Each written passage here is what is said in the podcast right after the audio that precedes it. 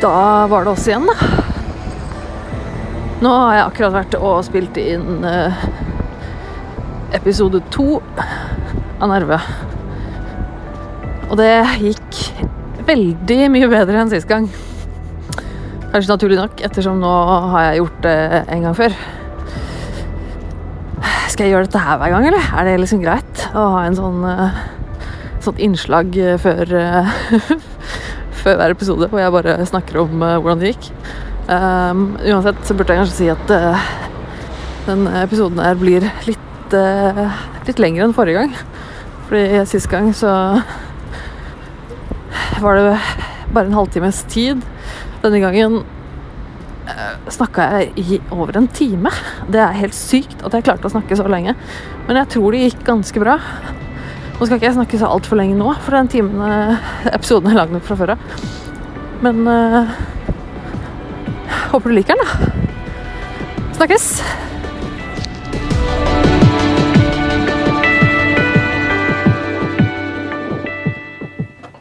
Uh, så da begynner jeg med å liksom prøve å puste litt og slappe av litt, og egentlig bare tenke at uh, ikke stress så jævlig. Uh, fordi det, det, gjør jeg fort. Det, det, det gjør jeg veldig fort. Uh, stresser litt. Uh, fordi dette er liksom viktig, så det betyr noe. Da, da blir det stress med en gang. Så jeg skal bare stresse ned litt. Så skal jeg tenke at jeg skal begynne liksom jeg skal, jeg skal begynne med å fortelle litt om meg selv, og det syns jeg er litt kleint. så jeg kommer til å drikke litt kaffe. av en eller annen grunn så syns jeg det er mer kleint å fortelle liksom basisting om meg selv. Um, det er mer kleint enn å fortelle om mine psykiske lidelser, på en måte. Det føles så jævlig rart og skrytete. Sitte sånn Mitt navn er det og det, jeg kommer fra der og der, og dette er meg. Uh, men jeg skal gjøre det likevel, fordi folk vet jo ikke hvem jeg er. Men jeg uh, er fra Asker. Eh, Asker, Bærum. Vokste opp der. Eh, bodde der til 2010. Eh, da flytta jeg til Oslo. Jeg bor i Oslo nå. Trives veldig godt med å bo i Oslo. Jeg er nok et bymenneske, det er jeg ikke noe tvil om. jeg har søsken. Jeg har to søsken. og jeg har to foreldre. Jeg har en mamma og en pappa. og så skal jeg ikke gå så veldig mye mer inn på det sånn nå. jeg har gått på skole alle de obligatoriske årene, grunnskolen, eh, barneskole, ungdomsskole, videregående. Eh, jeg hata å gå på skole. Eh, sånn skikkelig hata det. Og det tror jeg har mye med å gjøre at jeg ble veldig mye mobba på skolen i alle år, og ikke så mye med å gjøre med at jeg ikke liker å lære ting, for egentlig er jeg veldig nysgjerrig og liker å lære ting og liker å kunne ting og være flink på ting. Men jeg klarte ikke å være god på skolen, fordi jeg gikk konstant rundt og var redd på skolen hver dag. Jeg var redd for å gå på skolen, jeg var redd for å være på skolen. Jeg var redd for uh, de andre elevene, jeg var redd for uh, lærerne òg til tider. Jeg syns noen av de lærerne jeg hadde, var, skjønte jo ingenting. Uh, så det å gå på skole, det, det hata jeg ganske heftig. aldri klarte å liksom komme meg inn og finne meg til rette der. Så det å gå på skole var veldig problematisk. Det, så da jeg da var ferdig på videregående og hadde et valg om å ikke gå på skole lenger, så var det valget ganske enkelt for min del. Da var det ganske enkelt å si at nei, nå er jeg ferdig med skole. Um, så da var det ikke noe mer skole. Det er ikke helt sant. Jeg, men jeg begynte å jobbe. Um, Jobba i kaffebrenneriet faktisk i mange år, og med, drev på med det opplegget der. Uh, uh, og ble liksom fikk en, fikk en, lederstilling der etter hvert, og dreiv en egen avdeling. Nei, jeg drev flere faktisk etter hvert, og gjorde en liten greie der. Det var for så vidt gøy. Lærte masse av det. Jeg elsker jo kaffe, jeg er jo skikkelig kaffenerd. Og så klarte jeg å sitte en hel halvtime forrige gang og ikke drikke en eneste kaffekopp mens jeg prata. Det er jo helt mirakel. Så nå skal jeg drikke kaffe. Uh, for jeg elsker kaffe. Jeg drikker masse kaffe. Men uh, jeg prøvde jo faktisk å gå på skole lite grann.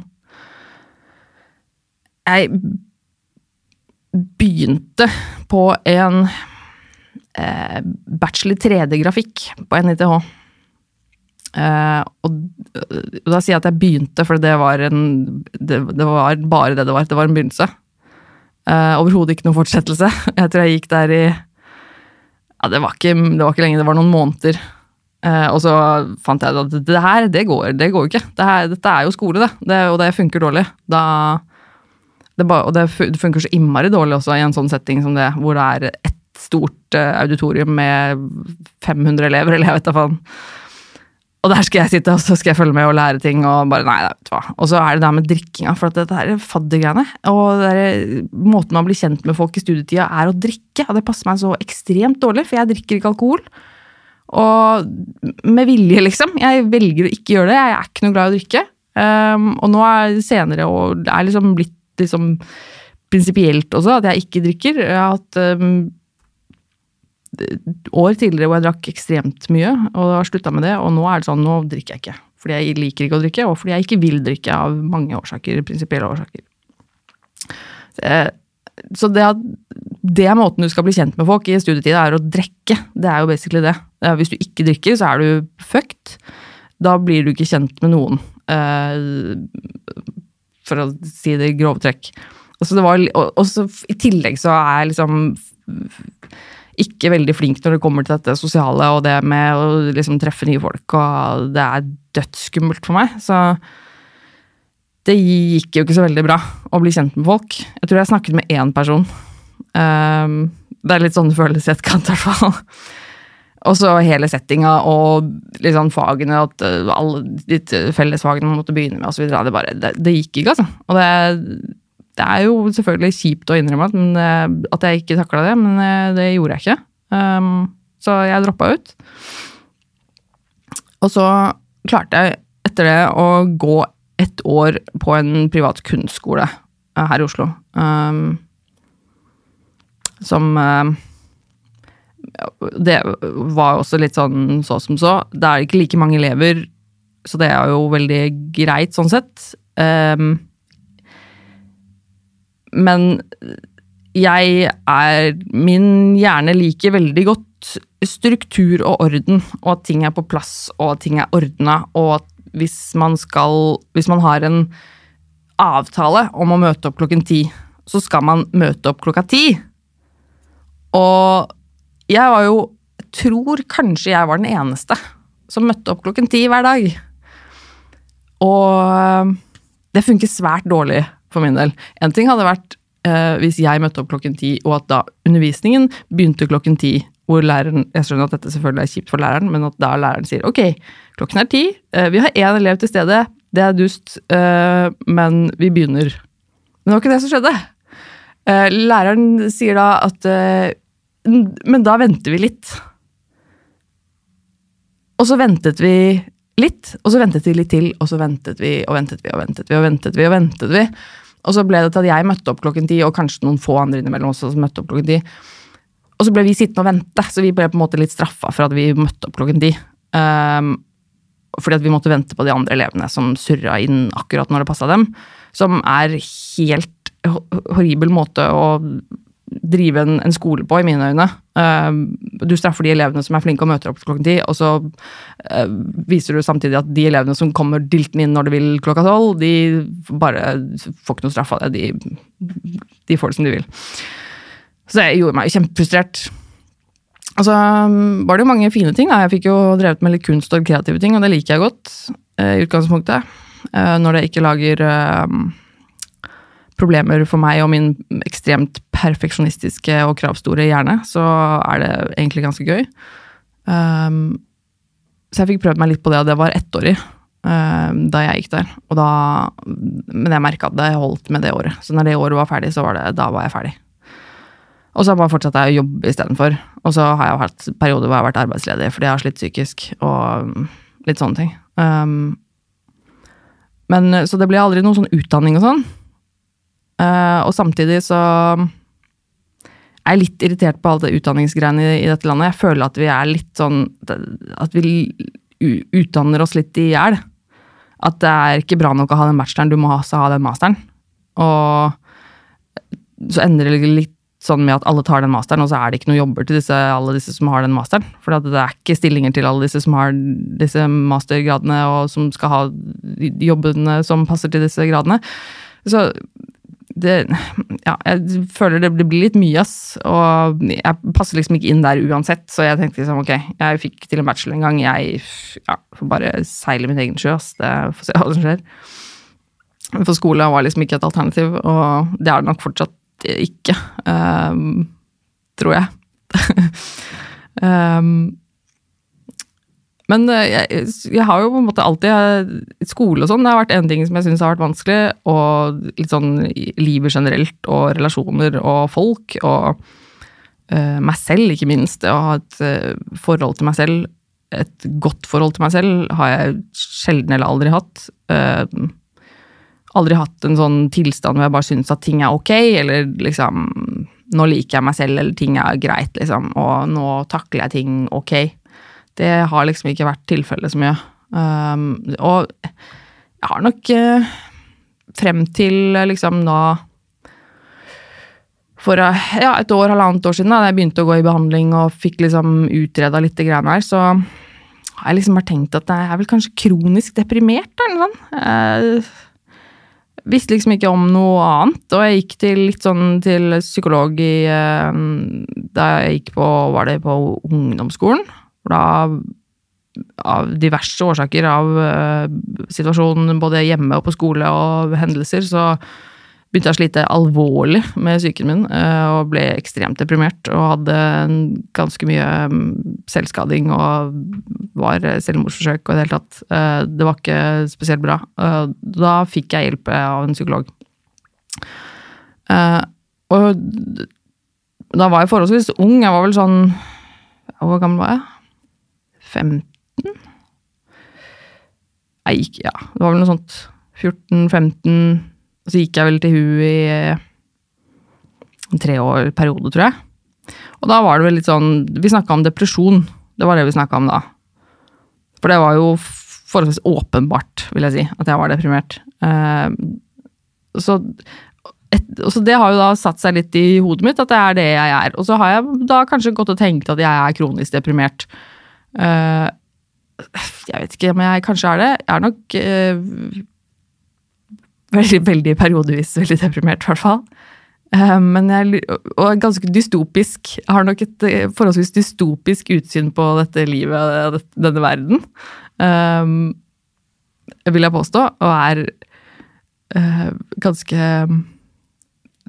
pessimistisk av natur. Uh, og jeg har nok vært ganske forstyrra. Um, på mange måter. Og Jeg er forstyrra på mange måter. Um, og jeg tenkte Jeg har noen notater for meg om hva jeg skal snakke om i dag.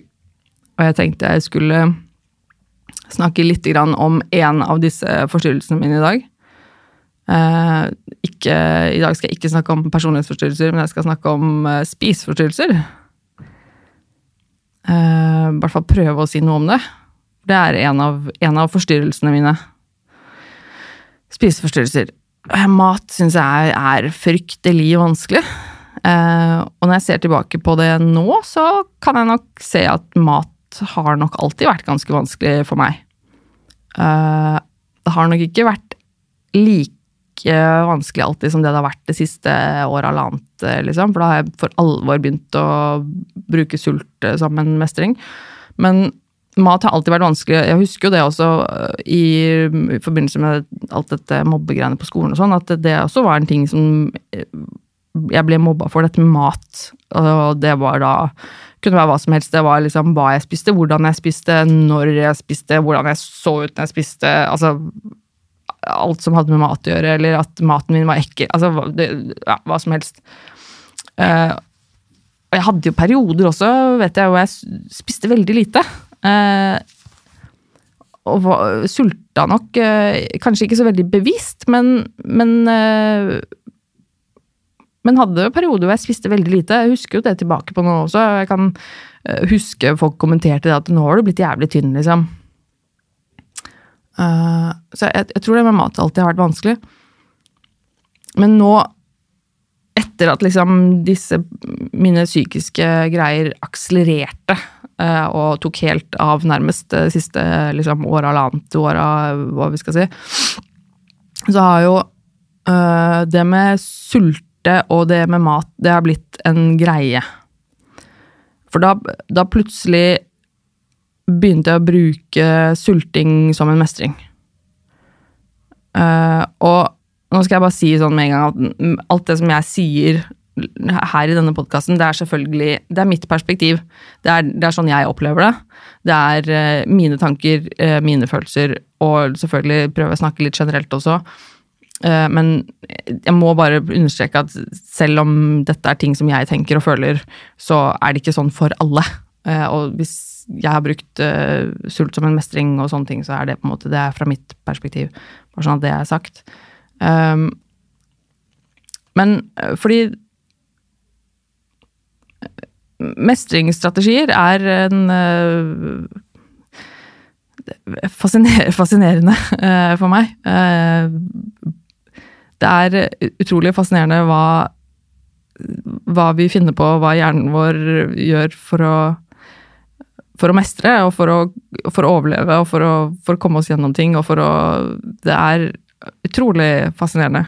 Um, og både bevisst og ubevisst. Uh, og det kan jo være så mye som man kan bruke som mestringsstrategier. Det kan jo være liksom alt fra vanlig trening og sånn for å mestre stress i hverdagen, eller hva det skulle være, til liksom shopping eller og overshopping og ta helt av, eller til det å skade seg øh, fysisk, kutting og sånne ting, eller sulting da, for så vidt, og sånne ting.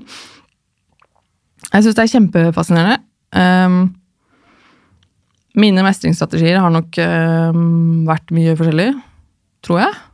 Jeg har øh, liksom skada meg selv en del og sånne ting. Drevet med selvskading og sånn. Det tror jeg er ganske vanlig. Uh, vanlig mestringsstrategi. Jeg tror sulting også er forholdsvis vanlig mestringsstrategi. Uh, og for meg så handla det veldig mye om det å det handler mye om at, eh, den, eh, at du må konkretisere den smerten. Fordi den smerten som er psykisk, den smerten som sitter i hodet i psyken, den er så innmari Hva heter det? Abstrakt. Eh, den er veldig uangripelig, og den er veldig vanskelig å forstå til tider. Og for å takle det, så må man noen ganger ta til en, en strategi. Og den strategien er ikke alltid så veldig god, eller hva skal jeg si ikke god, for det kan den faktisk være, men, eh, men ikke så veldig sunn alltid. Um, så det å for eksempel trene, da, som i utgangspunktet kan være en god, sunn mestringsstrategi, det funka ikke for meg. Uh, ikke bare fordi jeg ikke liker å trene, men uh, fordi det gjorde ikke vondt nok. Det, ikke, det, det, går ikke, det, går ikke, fort nok, og det er ikke vondt nok. Fordi den smerten som jeg har i hodet, den er, den er så vond at det må være noe annet som, som overdøver den smerten. Sånn at da blir det Og så må det også noen ganger så må det være fort. Det må, liksom, det må skje nå. Jeg må, jeg må, overdøve nå, fordi nå blir det for mye. Det er f.eks. sånne ting som å kutte. Det er en, en, måte man kan få en smerte som er veldig konkret og kontrollert og fysisk. Uh, og da blir det en måte å overdøve den psykiske smerten. Kan være. Um, det er i hvert fall mye av grunnen til at jeg har gjort det før, tror jeg. Jeg tror det også er en grunn til at mange andre har gjort det. Um, en av mange grunner, sikkert. Men det med sulting, det Det Det har også blitt en greie for meg, da. Og da handler det liksom om å ta kontroll og Fordi det er, det er litt det det handler om, da, å ha den kontrollen og det fokuset. Uh, da, da, får jeg noe jeg kan kontrollere. Noe jeg kan konsentrere meg om, fokusere på. Uh, noe, som, noe, som, funker, da. Uh, fordi dessverre så gjorde det for meg. og så når du går lenge og liksom er sulten og ikke spiser på mange dager, sånn, så, og går ned i vekt og sånn, så blir jo hjernen også helt sulta. Så jeg sulter jo også hjernen, og det er en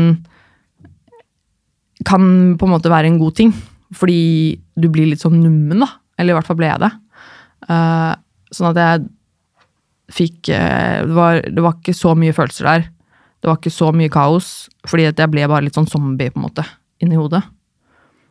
Og da Det var litt det jeg var ute etter, eller det hjalp, da. Dessverre. Um, og så er det jo selvfølgelig sånne ting med at uh, jeg gikk ned i vekt. Jeg hadde i utgangspunktet aldri vært veldig glad i kroppen min og syns aldri at jeg så veldig bra ut. Og syns jo alltid at liksom jeg var litt for tjukk. Så da å gå ned i vekt, og det var jo kjempebonus for meg da, at jeg liksom fikk uh, gått ned i uh, vekt. Og så går det jo uh, En periode så var det på en måte fint, og så kommer det til et punkt hvor jeg Hvor det ble fryktelig ambivalent, for da plutselig Plutselig så ble jeg så tynn at jeg følte meg stygg på en annen måte. Uh, for da var jeg liksom styggtynn. Plutselig så var jeg så ekkelt tynn at jeg følte meg litt sånn ekkel når jeg gikk ute, for jeg følte at alle så på meg og tenkte at hun er syk. Og det var jo ikke så veldig ålreit. Um, og så er det er det jo veldig fysisk, da. Det er veldig konkret og veldig uh, åpenbart. Så jeg tror at det også kan være på mange måter uh, På mange måter for mange også kan det være uh, en måte å få omsorg eller oppmerksomhet på. hvis det er noe man mangler. fordi det blir veldig åpenbart etter hvert. da. Hvis man sulter seg lenge og blir veldig tynn, så er det ofte veldig åpenbart at denne personen her sulter. Og da kan det være en måte å få hjelp på. Um, og så ble det også min liksom, plan B, egentlig. Uh, for jeg visste at hvis jeg fortsatte å sulte meg og sulte meg, og sulte meg, så kom jeg til å dø av det. Og hvis jeg ikke klarte å ta livet av meg før den tid, så var det liksom plan B, da. Og det er jo utrolig trist, fordi det er jo det som skjer. Hvis du sulter deg for lenge, så dør man. Og, det, og man dør ikke på en veldig kul måte. Det er faktisk en ganske jævlig måte å dø på. Um, og alt dette her, det høres jo Det høres jo ganske grusomt ut.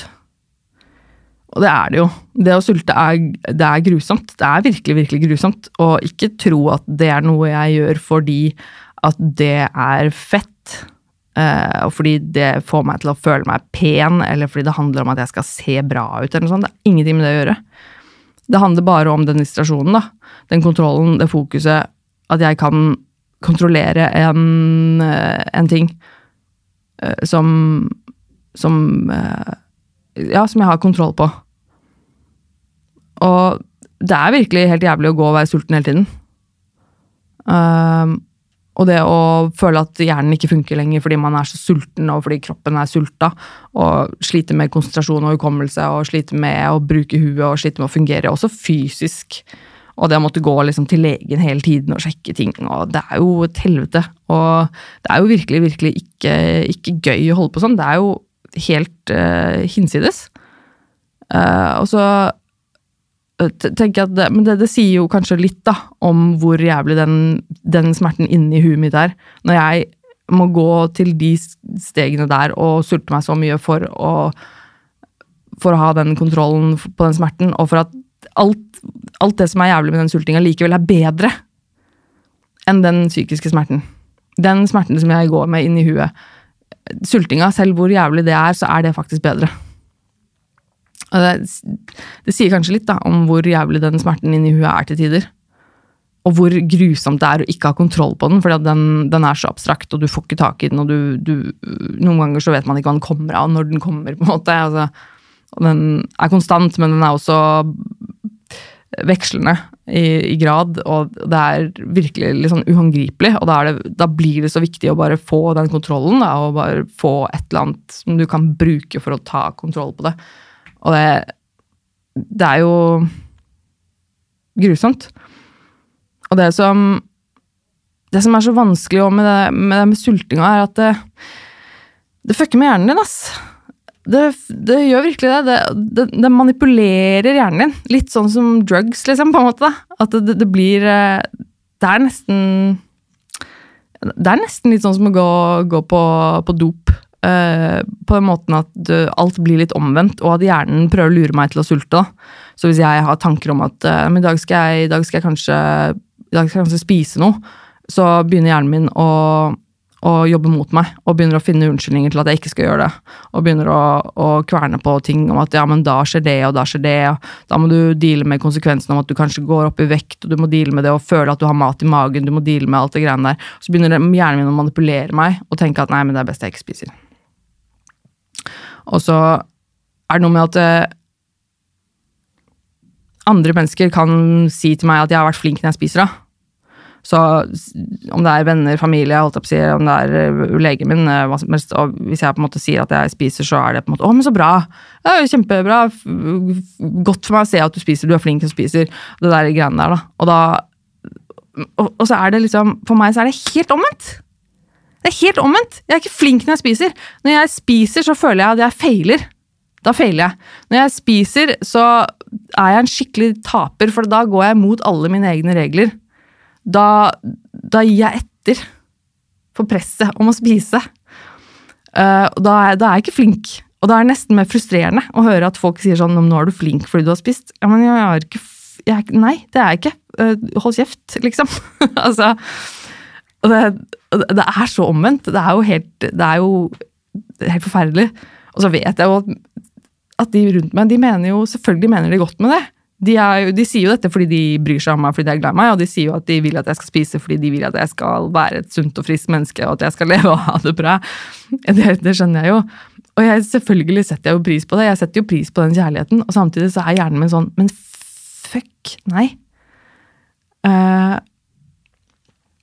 og det er det, det, er virkelig litt skummelt hvor mye, hvor mye den hjernen min jobber jobber mot meg, og jobber for at jeg skal fortsette med noe som ikke er bra. Uh, fordi den mestringsstrategien, den har funka så godt. Og så var det um, Jeg har jo uh, Altså, det, dette greiene, det, det sultegreiene, det er jo sånn at man liksom kanskje begynner med det, og så går man jo ned i vekt og sånn, og så gikk jo jeg, eh, eller jeg går i behandling, og han eh, Min forrige psykolog Jeg har ny, ganske nylig bytta behandler i DPS, dessverre. Han eh, psykologen som jeg hadde dette året, fra da jeg begynte der til nå ganske nylig, han veldig, veldig flink psykolog. Jeg oppfatter han som veldig veldig flink, veldig proff og veldig på hugget og fulgte meg opp veldig bra. Så hvis du noen gang hører på dette, så vet du hvem du er. Stor kred til deg. Um, setter stor pris på deg og det du gjorde. Uh, han På et tidspunkt uh, så satt vi i en time, og han sa noe sånn som at uh, han ikke hadde så mye valg lenger. Han var jo tross alt helsepersonell, og det å vite og se at jeg hadde sulta meg da såpass lenge, og jeg begynte sikkert å utvise ganske mye tegn til at dette begynte å bli et, et, altså et stort problem, da, som begynte å nærmest hijacke hele hjernen min dette med mat og sult. Uh, så sa han at uh, han uh, ville sende en henvisning til Gaustad spiseforstyrrelsespoliklinikk i Oslo. En henvisning dit, en søknad da for at jeg skulle komme inn dit for å få behandling for spiseforstyrrelser. Noe jeg ikke ville. Jeg var ikke keen på det i det hele tatt. Um, vi snakket mye om det, ble enige om at han skulle gjøre det. Og at jeg skulle gi det en sjanse, dette med altså fordi Det er jo ikke sånn at du bare kommer inn der, at han sender en søknaden, og så kommer du inn der til behandling. Det er ikke sånn det funker. Det er en, dette er jo offentlig, det er jo en sluse du må gjennom uh, med vurderingssamtaler, og de skal snakke med deg, og de skal vurdere, og de skal prioritere, og du får kanskje en plass, og det er litt ventetid og litt sånne ting. Og forskjellige tilbuder og sånn de har der. Um, og da er det liksom greit. Det er jo en sånn typisk sånn fin metode for han å bruke for å lure meg med på det her. Holdt jeg på å si, at jeg at vi kan, vi kan bare sende en søknad, kan, og så begynner vi der. Og så tar vi det litt sånn etter hvert. Uh, og det er jo alltid mitt valg å si nei. Når som helst. Jeg kan si nei til alt dette. Når som helst. Det er mitt valg. Så jeg bare ja, greit. Fint. Whatever. Send den søknaden. Um, og så hvis det er interessant for noen, så kan, man, kan, jeg gjerne snakke om denne prosessen til Gaustad på et senere tidspunkt, men det er ikke poenget. Uh, uansett så har jeg vært, var jeg gjennom den prosessen, opptaksprosess og samtaler og hele pakka, og fikk da på slutten av i sommer uh, vite at jeg har fått plass. Kom til å få plass uh, veldig kjapt, for jeg var sikkert da prioritert, ellers hadde de noe ledig, jeg er her nå. Uh, og da var det en sånn, en sånn eh, inntaks, eh, holdt jeg på å si, statussamtale, da, som er på en måte når jeg kommer inn der og, og, fikk snakke med de som skulle holde denne gruppa da, som jeg skulle være med på. Hvor jeg sitter i dette møtet og er, eh, er sint.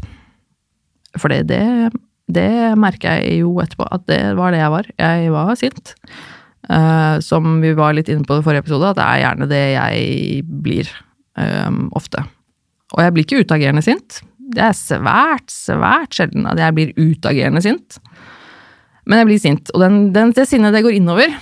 Og det blir veldig, veldig forknytt. Uh, og jeg sitter her og jeg er sint fordi jeg vil ikke være der. Jeg vil ikke være med på dette her. Jeg føler at alt dette er liksom mot min vilje. Og jeg sitter i det møtet og sier at nei, jeg vil ikke ha den plassen her. Og da Det som skjer da, er jo at de sier at ok, um, du vil ikke det, nei, er, du er ikke motivert. Og jeg sier nei, jeg er ikke det. Jeg er ikke motivert. Um, fordi jeg, jeg, vil ikke at dere skal ta fra meg spiseforstyrrelsen min. Og da sier de at nei, ok, men hvis ikke du er motivert, så er du ikke klar for å være her. Noe jeg forstår. Det er jo en poliklinisk behandling som vil si at de er avhengig av at jeg kommer og møter opp hver uke, eller når det er, eh, og, og er motivert for å ta imot den hjelpen de vil gi meg. Selvfølgelig kan ikke de da tvinge De kan ikke tvinge meg. Det, er liksom, det, det, det funker ikke. Uh, det er ikke sånn det funker. Uh, så hvis jeg ikke vil, og hvis jeg ikke er motivert, så er det jo ikke noe de får gjort med det. Så jeg går jo derfra og har sagt nei til plassen. Og fikk ikke plassen da fordi jeg sa nei til den. Og var bare kjempesint og ekstremt forbanna da jeg gikk derfra og tenkte at fy faen, det her var så idiotisk. Jeg har sagt dette hele tiden. Jeg vil ikke. Jeg skal ikke, jeg vil ikke. Og så har jeg snakket med enkelte venner sånn etterpå. Eh, jeg var litt nervøs da jeg skulle fortelle til folk, egentlig. De få som visste om dette her da det skjedde, da, eller da jeg var i den prosessen om at liksom nei, jeg sa nei. Eh, det blir ikke noe Gaustad, liksom. Um, jeg var litt nervøs for å si det, fordi at uh, jeg vet at de rundt meg, de vil at jeg skal bli de vil at jeg skal bli frisk, de ønsker at jeg skal bli bra. Og jeg var veldig veldig redd for at de ikke kom til å skjønne hvorfor jeg hadde gjort det jeg gjorde. Og det var det noen som ikke gjorde. Og jeg fikk jo høre det at ja, men vil du ikke bli frisk? Vil du ikke Hvorfor sa du nei, liksom? Hva, hva er problemet ditt, nærmest? Uh, og da sa jeg at uh, nei, det er akkurat det som er problemet, er at uh, de vil ta fra meg spiseforstyrrelsen min. Og det vil jeg ikke. Fordi jeg trenger den. Og det er det som dessverre er litt blitt en realitet. At jeg er kommet såpass langt inn i det spiseforstyrrelseshelvetet at jeg ikke vil gi slipp på den. Fordi jeg trenger den som en mestring. Og det Det er virkelig ganske fucka å tenke på. Um, og det tror jeg er mange andre som kan kjenne seg igjen i. Og så tror jeg det er veldig veldig mange som ikke også forstår det. Uh, og jeg tror det er en For meg så var det i hvert fall viktig at de, de, få menneskene jeg har rundt meg som er såpass nære, som vet om dette her, at de skjønte det. Skjønte hvorfor jeg ikke kunne si ja til den plassen på Gaustad. Og skjønte hvorfor hvorfor jeg ikke vil, ville ha den behandlinga. Det er jo ikke fordi at øh, det, er liksom ikke med det at jeg skal øh, nekte for all hjelp eller liksom øh, sånne ting. Jeg går i behandling, så det er jo ikke det at jeg er helt mot å ta imot all hjelp, men, men ikke den, liksom. Det var liksom nei. Det, der var det en grense, kjente jeg. At det det gikk ikke. Jeg, det var jeg ikke motivert for. Jeg kunne ikke ta imot den hjelpen, fordi at jeg, jeg, jeg trenger å ha den spiseforstyrrelsen. Um, og så er det noe med at det, for meg så er ikke spiseforstyrrelsen mitt hovedproblem, da. Uh, min spiseforstyrrelse er et, en symptomlidelse. Det er en, en, en mestringsstrategi som jeg har begynt å bruke for å takle de andre tingene som er underliggende, som er liksom hovedproblemene. Og da blir det på en måte også litt sånn ble jeg litt sånn Hvorfor skal vi fokusere så jævlig mye på de spiseforstyrrelsene? Det er jo ikke det som er problemet mitt, liksom. Og så ble det liksom så innmari mye greier ut av det. Og så bare orka jeg ikke det heller, så da ble det også en ting. Og jeg tenker at det skal selvfølgelig Jeg må jo på et tidspunkt klare å hamle opp med, med spiseforstyrrelsegreiene. Eh, og det jobber jeg med på daglig basis, men det er eh, Eh, det, det ble for mye fokus, og det ble for mye fokus på at den skulle liksom vekk. At det, det funka rett og slett ikke. Um, det er helt subjektivt, uh, selvfølgelig. Um, og det er um, Det er litt sånn rart. Um, fordi spiseforstyrrelser er veldig det er, veldig, det er veldig fysisk, det er veldig konkret, og det er veldig synlig også iblant. Det kan bli det, i hvert fall. Veldig synlig. Og det er veldig, veldig fysisk i form av at det, er, det handler om mat, det handler om inntaket du, du har, da, eller ikke har. Og eh, hvordan du liksom sulter. Det handler om, om, liksom, om vekt og, og, og veldig konkrete ting. Og, og det er ja, som sagt veldig synlig. Og er, jeg tror det er veldig lett at folk eh, tenker på spiseforstyrrelser som noe fysisk. At de tenker på det som noe konkret og fysisk. Og, og ikke at det er noe som sitter i hjernen. Um, jeg tror det er lett å assosiere spiseforstyrrelser med kroppen. Um, når, når det er i hjernen det sitter. For spiseforstyrrelser, det sitter jo i hodet. Det er jo hjernen som styrer dette. Det, det, er jo, det går jo på liksom på, på, på hjernen. Hvordan hjernen din fungerer, holdt jeg på å si. Tanker, følelser og sånne ting. Og det, og det tror jeg er litt viktig å huske på. Fordi at eh, det, det er noe, noe veldig abstrakt og som sitter i hodet, og, og, og som blir noe fysisk.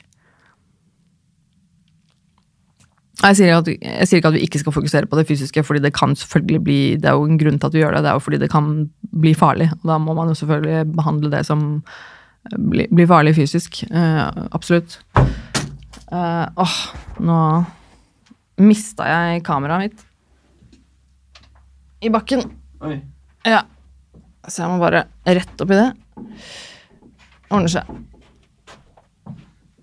Jeg så den vippa litt Ja, sånn er det når det er litt sånn lealaust.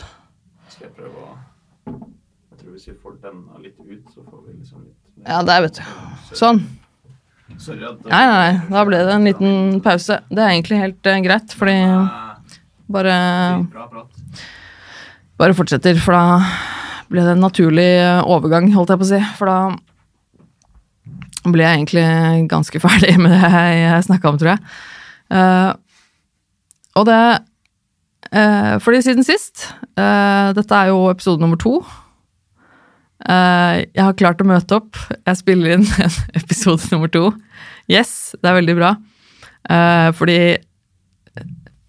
siden sist eh, Oh my god. Altså, i dag er det Vent, da. Hvilken dag er det i dag? I dag er det onsdag. Jeg spilte inn forrige episode på mandag forrige uke. Og ga ut episoden på torsdag. Og etter at jeg spilte inn den episoden forrige måned Det var jo for øvrig en innmari dum ting å gjøre. Spille inn på mandag, og så må du gå og vente helt til torsdag med å gi den ut. My god.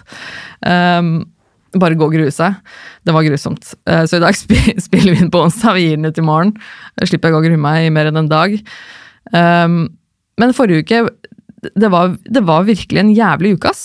Jeg må bare bruke litt sånn eh, krasse ordet i denne podkasten, merker jeg. Eh, men det, det var en ganske jævlig uke. Etter at jeg spilte inn eh, første episode, så følte jeg at det Jeg følte at det gikk litt sånn halvdårlig. Det er jo én ting.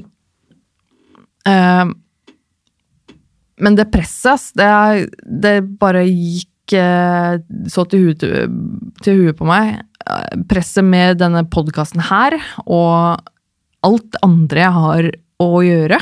eh, som for meg føles sykt mye. Det er kanskje egentlig ikke så veldig mye for alle andre, jeg vet ikke. Men jeg har jo denne podkasten, og så har jeg jo en, denne podkasten Dialogisk, eh, som jeg er studieassistent for eh, en gang i uka, og hjelper dem med Facebook og skrive synopser og hele pakka si, for eh, episodene. Og jeg lager jo sånne eh, illustrasjoner for den podkasten, og det syns jeg er dødskult. Um, det er jo helt 100% frivillig, det var til og med mitt initiativ.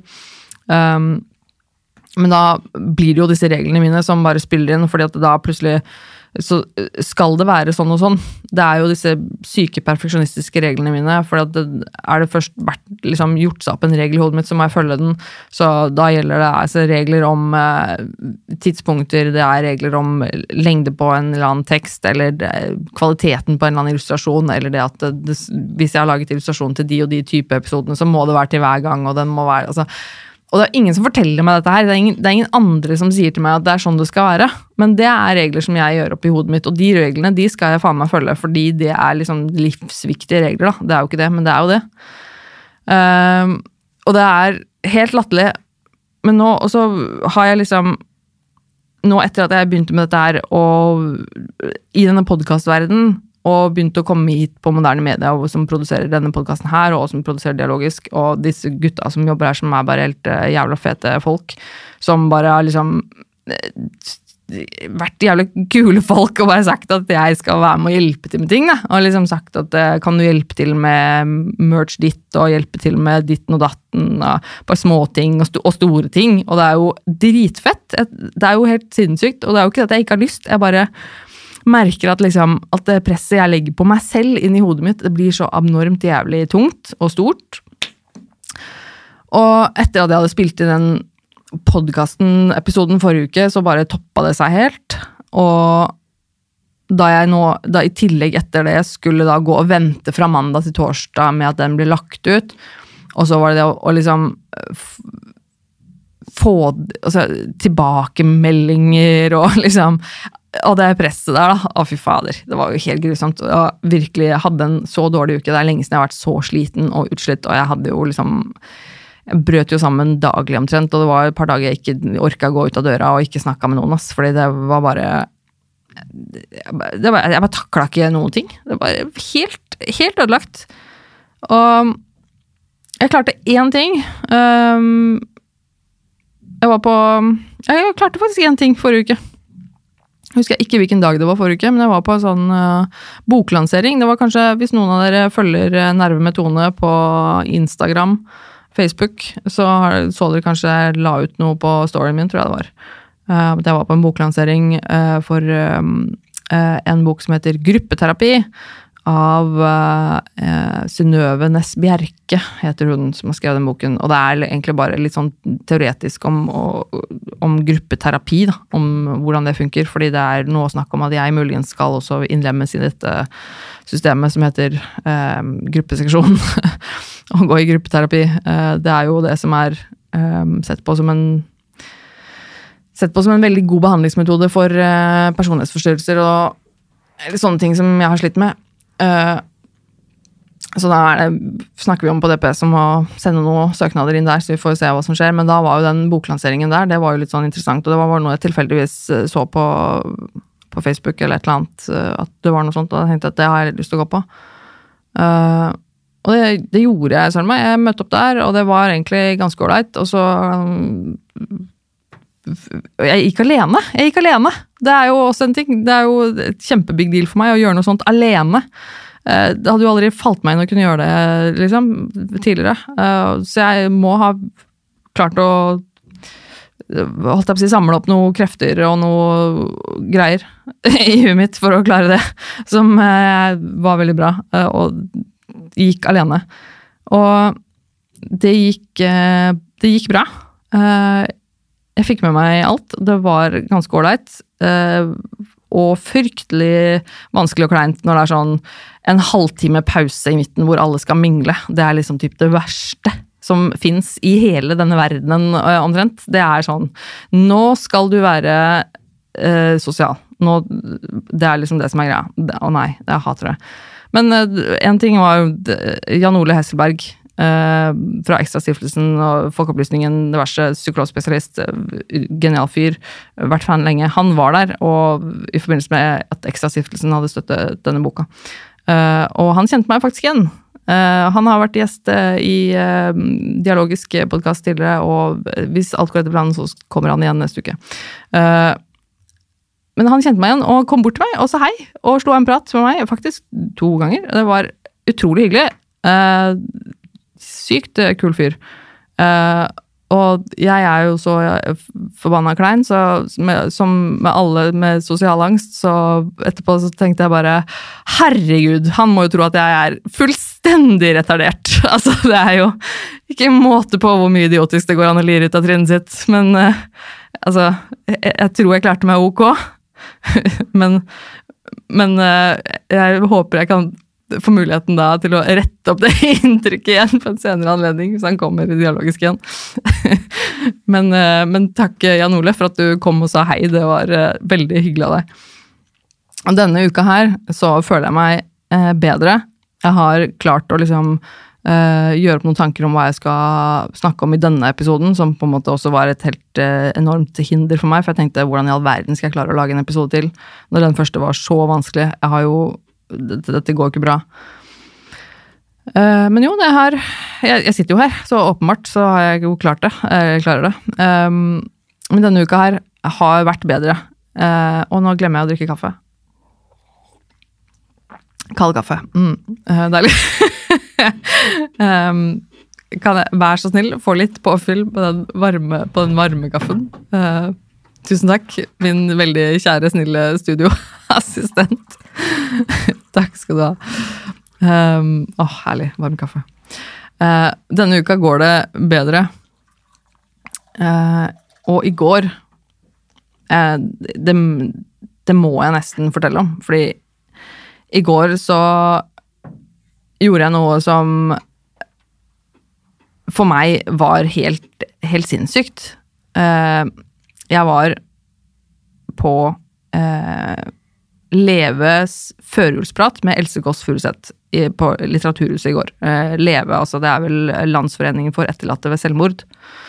Jeg hadde en førjulsprat med Else Kåss Furuseth. Jeg liker Else Kåss veldig godt. Syns hun er øh, skjønn og har gjort veldig mye bra. Det handlet jo selvfølgelig om, om selvmord. Um, og det å gå på noe sånt for meg, det var um, det, det, det, det var litt vanskelig å gå. eh, litt fordi jeg følte så innmari på det at dette er et sted hvor det kommer Dette er mennesker uh, som har mistet noen til selvmord. Som har liksom typ opplevd noe av det verste man kan oppleve. De har mistet en person som de er kjempeglad i, som har tatt livet av seg. Og så føler jeg meg så skamfull fordi de som er her, har mistet noen til det som jeg prøvde å gjøre. Så jeg gjorde nesten mot mine nærmeste det som de menneskene her har opplevd, som er skikkelig, skikkelig jævlig. Så Jeg følte meg jo som liksom, skikkelig bad guy, holdt jeg på å si. Og altså, jeg var jo hadde jo liksom ingenting der å gjøre. Jeg bare hva, hva, hva, hva skal jeg her gjøre? Du må bare ha deg så langt unna disse menneskene her. Du er liksom så respektløs og grusom som dukker opp på noen greier som det her. Uh, det var litt de følelsene jeg satt med, og med en gang jeg, jeg gikk da heldigvis med en venninne, så jeg hadde liksom litt grann moralsk støtte. Men jeg, men jeg satte meg ned der, og liksom, når hele greia begynte, da, og så, så da kjente jeg virkelig på det. Det var litt sånn at det ble tett i brystet, og jeg, jeg ble litt sånn øh, øh, Jeg bare Jeg kan jo ikke sitte her. Dette her er drøyt, liksom. Um, og ikke bare fordi det var masse mennesker og en sosial greie, det var liksom det i tillegg. Uh, men, det, men, så gikk det litt over, og, det, og, jeg opplevde det som veldig, veldig bra, veldig, veldig varmt, egentlig, uh, hele opplegget. Og det var jo også en i dette panelet som satt der og pratet. Nå husker jeg ikke navnene deres, beklager.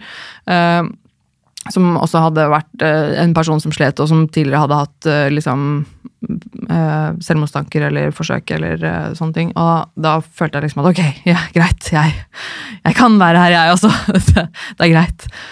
Um, og det gikk veldig, veldig fint. Og de en ting var å møte opp på der, det var jo på en måte første hinder. Men så klarte jeg å gjøre to ting til som bare er helt insane. Og dere som følger meg på Insta, har kanskje sett det allerede. Men jeg reiste meg opp på slutten og spurte, jeg spurte et spørsmål i mikrofon foran alle. Jeg stilte et spørsmål, og det er jo bare helt det, Jeg var så svimmel og følte at jeg holdt på å besvime. Men det klarte jeg å gjøre. Og i tillegg så klarte jeg, og tur, turte jeg etterpå å gå bort til Else og si takk og liksom, liksom snakke, snakke, til henne, liksom. Eh, altså, hallo.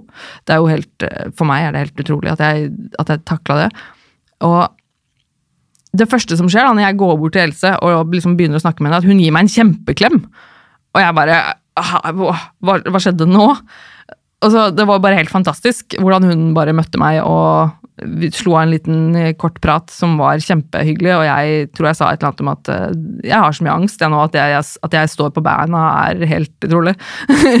Men hun var så skjønn, og det var virkelig en veldig, veldig god opplevelse for meg å dra dit og være med på det. Og det var veldig, veldig en veldig god opplevelse. og Jeg var så stolt av meg selv at jeg holdt på å sprekke etterpå. Det var sånn Jeg gikk derfra sammen med venninna mi og jeg bare Jeg var så full av liksom adrenalin og var så fornøyd med meg selv og jeg var så full av alt mulig av følelser. Og at liksom Hva skjedde nå, liksom? Hva skjedde nå? Og på et tidspunkt, og hun Venninna mi driver og prater, og jeg på et tidspunkt så sier jeg til henne at vet du hva, du kan ikke prate nå. Du kan ikke si noe klokt du nå, for jeg hører ikke en dritt av hva du sier. For jeg er så høy på min egen rus at jeg, at jeg bare går og kverner på det. At liksom, hva skjedde nå, liksom? At det, det var uh, bare positivt, uh, og veldig lenge siden jeg har opplevd noe sånt. At jeg følte litt på det at jeg kunne være litt stolt av noe jeg hadde klart. Uansett hvor banalt eller enkelt det høres ut, så er det noe virkelig jeg prøvde å ta til meg, og ikke bare liksom ja, virkelig ta det til meg og, og, gi meg selv en ordentlig klapp på skulderen og, og tenke at jo, men fader, det er, det, det er faktisk jævlig bra av meg å gjøre det. Så um, det er klapp på skulderen. Og så uh, har jeg fått noen tilbakemeldinger, da. På første episode. Uh, og det er jo drit, det er dritskummelt. jeg har sånn grugleder meg til første tilbakemelding og sånn. For at det, det, er nesten Altså, jeg vil jo gjerne ha tilbakemeldinger. Og, men, og så er jeg veldig redd for å få tilbakemeldinger samtidig. Og så er jeg veldig redd for å ikke få tilbakemeldinger. Så det er litt sånn Det er jo skummelt uansett. Men uh, Men jeg har fått tilbakemeldinger, og det er flere, flere som har fortalt meg at jeg har uh, at jeg har behagelig stemme. Og det er jeg veldig glad for. Det er en tilbakemelding jeg ikke egentlig hadde tenkt på om jeg kom til å få. Uh, tilbakemelding på stemmen min. Uh, og det gjør meg veldig glad. Akkurat det at det, er, at det er behagelig stemme å høre på, det er veldig positivt. Det husker jeg veldig godt. Jeg har aldri vært så veldig flink til å liksom lese og sånne ting. Men jeg var veldig glad i lydbøker da jeg var liten. Jeg hørte ekstremt mye lydbøker. Jeg var sånn skikkelig biblioteknerd. Altså, jeg hadde til enhver tid minst tre lydbøker hjemme og gikk hele tiden og byttet ut på biblioteket. Og det bibliotekkortet mitt det måtte byttes ut stadig, for det var så slitt. Altså, jeg elsket det, å høre på lydbøker. Og da begynte jeg selvfølgelig med disse kassettene. Dere husker sikkert det, de flotte, fantastiske tape-kassettene. Og disse lydbøkene. Åh, herregud, så fantastiske de var.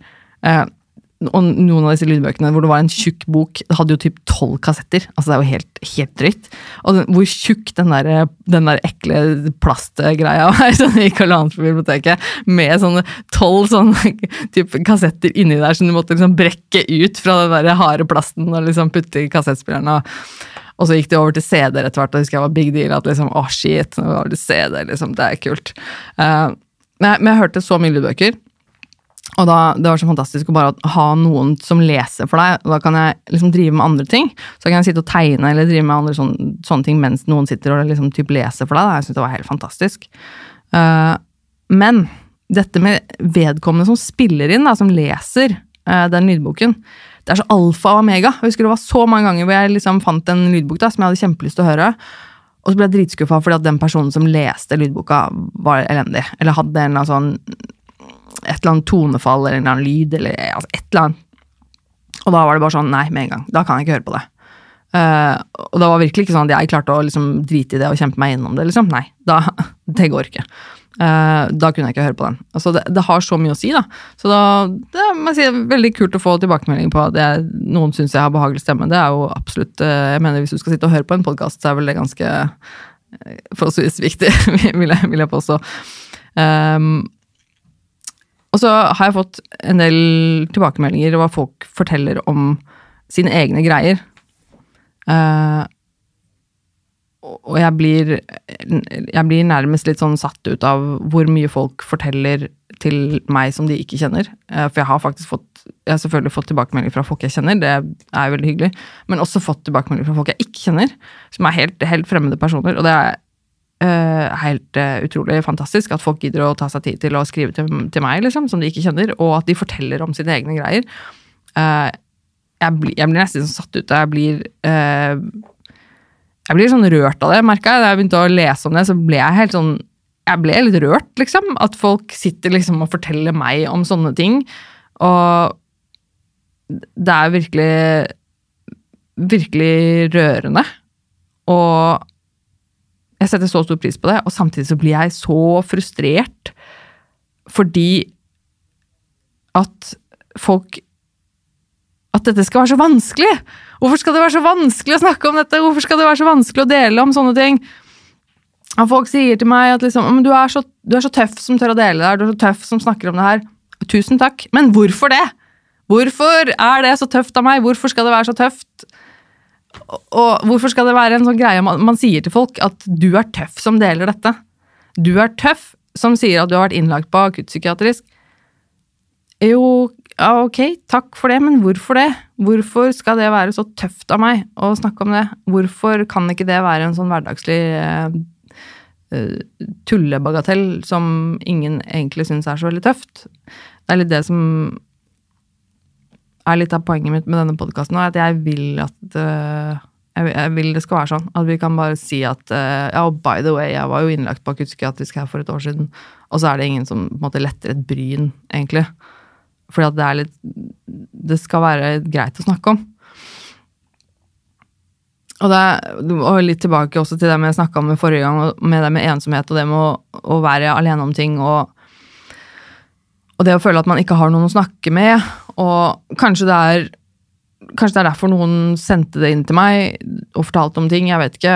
Jeg, jeg håper jo virkelig at disse menneskene har noen andre å snakke med. Uh, det, for det er så viktig å, å føle at man, at man, blir tatt på alvor. Og uh, jeg fikk en historie av en, en, dame som sendte inn til meg, som uh, fortalte at hun hadde en opplevelse hvor hun ble antastet av en fyr uh, i nærheten av sitt eget hjem. Uh, en, uh, en, person som, som, som, tok på henne. Antastet henne uten at hun, uten at hun ville det, mot hennes, mot hennes vilje. En, person, en, fremmed person som hun ikke kjente. Um, og hun reagerte selvfølgelig på dette og syntes det var fryktelig fryktelig ubehagelig. noe jeg skjønner veldig godt. Og så hadde hun prøvd å snakke med legen sin, og hadde blitt møtt av legen sin med en holdning om at det var litt sånn man måtte forvente når man var kvinne, var det ikke det? Og vennene hennes hadde sagt noe sånn som at uh, du skal vel bare være glad for at du ikke ble voldtatt, og, at, uh, at det er et kompliment at du får ta det som et kompliment at du er pen. Et kompliment?! Altså Altså jeg, jeg, jeg, fatter ikke hvordan noen kan si noen sånne ting. Jeg fatter ikke hvordan noen kan si at når du er kvinne, så får du bare forventet å bli tatt på.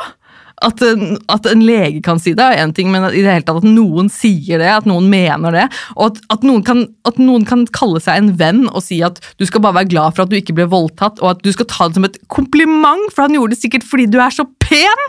Altså og jeg merker at da jeg blir, jeg blir, så frustrert, jeg blir så sint, og liksom Det er bare sånn må, Nå må vi ta oss sammen, for dette, dette, går ikke, liksom.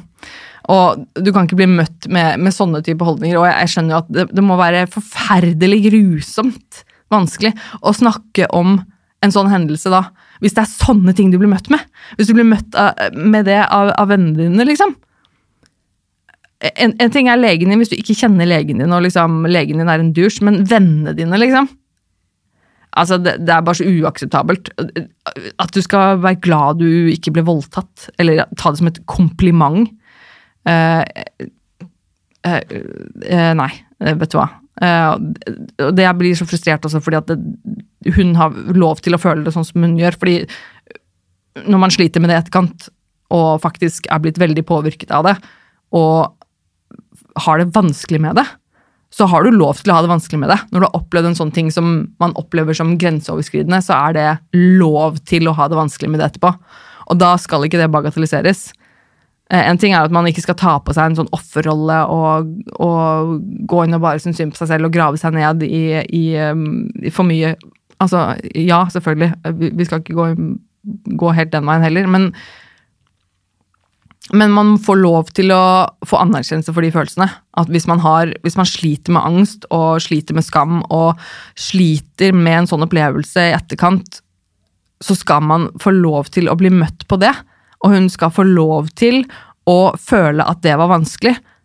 Og få høre at vet du hva, jeg skjønner at det var vanskelig. Og det var ikke din skyld. Og det er han duden som tok på deg mot din vilje, som er en dusj. Eh, du har lov til å føle at det der var ekkelt. Du har lov til å føle at det der ikke var greit. Og det at du sliter med det etterkant, det skjønner jeg. Det er lov til at du gjør det. Vi skal selvfølgelig hjelpe deg med det. Du, vi må finne en måte du kan komme deg gjennom det og ikke slite med det lenger. Men du har lov til å føle det du føler det er faktisk lov til å ha følelser. Det er lov til å føle følelsene sine. Og vi har lov til å snakke om det. Og hun har lov til å snakke med venninnene sine om det. Hun skal kunne si det til folk hun kjenner, eller til eh, folk hun er glad i, og få støtte. Og si at, de, skal kunne si at shit, det der, det er drøyt. Jeg skjønner at du har det kjipt med det. Hva kan jeg gjøre for å hjelpe deg? Og det skal faen ikke være ta som et kompliment at du ble antasta fordi du er pen. Seriøst, ass. Men skjerp oss. Uh, men ja, uh, så vi, vi, vi, må snakke om det. Det, fordi Bare snakk om det. det er, ja. Og, og, så må man kunne få lov til å ha følelser. Og derfor eh, Nå må jeg liksom føler jeg må avslutte. Nå har jeg snakket så lenge. Men jeg skal jeg, jeg, filmer jo dette her i dag òg. Jeg klarte jo ikke å gi ut den videoen forrige uke. Eh, jeg, det, jeg, har så mye krav. Jeg har så mye innmari mye krav til meg selv. Men eh, jeg gjør det. Jeg filmer igjen denne uka, selv om kameraet ikke gulvet på et tidspunkt. Det får bare være ass. Men eh, jeg har, jeg har opprettet en YouTube-kanal. Jeg skal klare å gi ut noe der. Jeg må bare finne ut av hvordan jeg skal redigere og altså fikse disse videoene før jeg legger det ut. Jeg har en, en, en Facebook-side og en Instagram-side som heter Nerve med Tone. Som er veldig kult om folk eh, gidder å følge med på. Jeg skal legge ut litt sånn uh, småting der og mellomklipp, eller hva fader man skal kalle det. Uh, uh, ja. og så håper jeg at det kommer en episode til neste uke. og så håper jeg at dere lytter til det, og at dere det er veldig kult hvis folk har lyst til å gi meg eh, en sånn, hva heter det, rating på, i den podkast-appen som du bruker, om det er Spotify, eller om det er iTunes eller random stuff. Bare kult om du gidder å gi en rating. Så er det flere som kanskje får høre om dette her. Eh, og del gjerne det du vet holdt jeg på å si, om denne podkasten med vennene dine. Eh, og så takker jeg igjen, jeg, for det, det er folk som hører på det her. Det er dødskult. Uh, og så høres vi igjen neste uke. Ha det.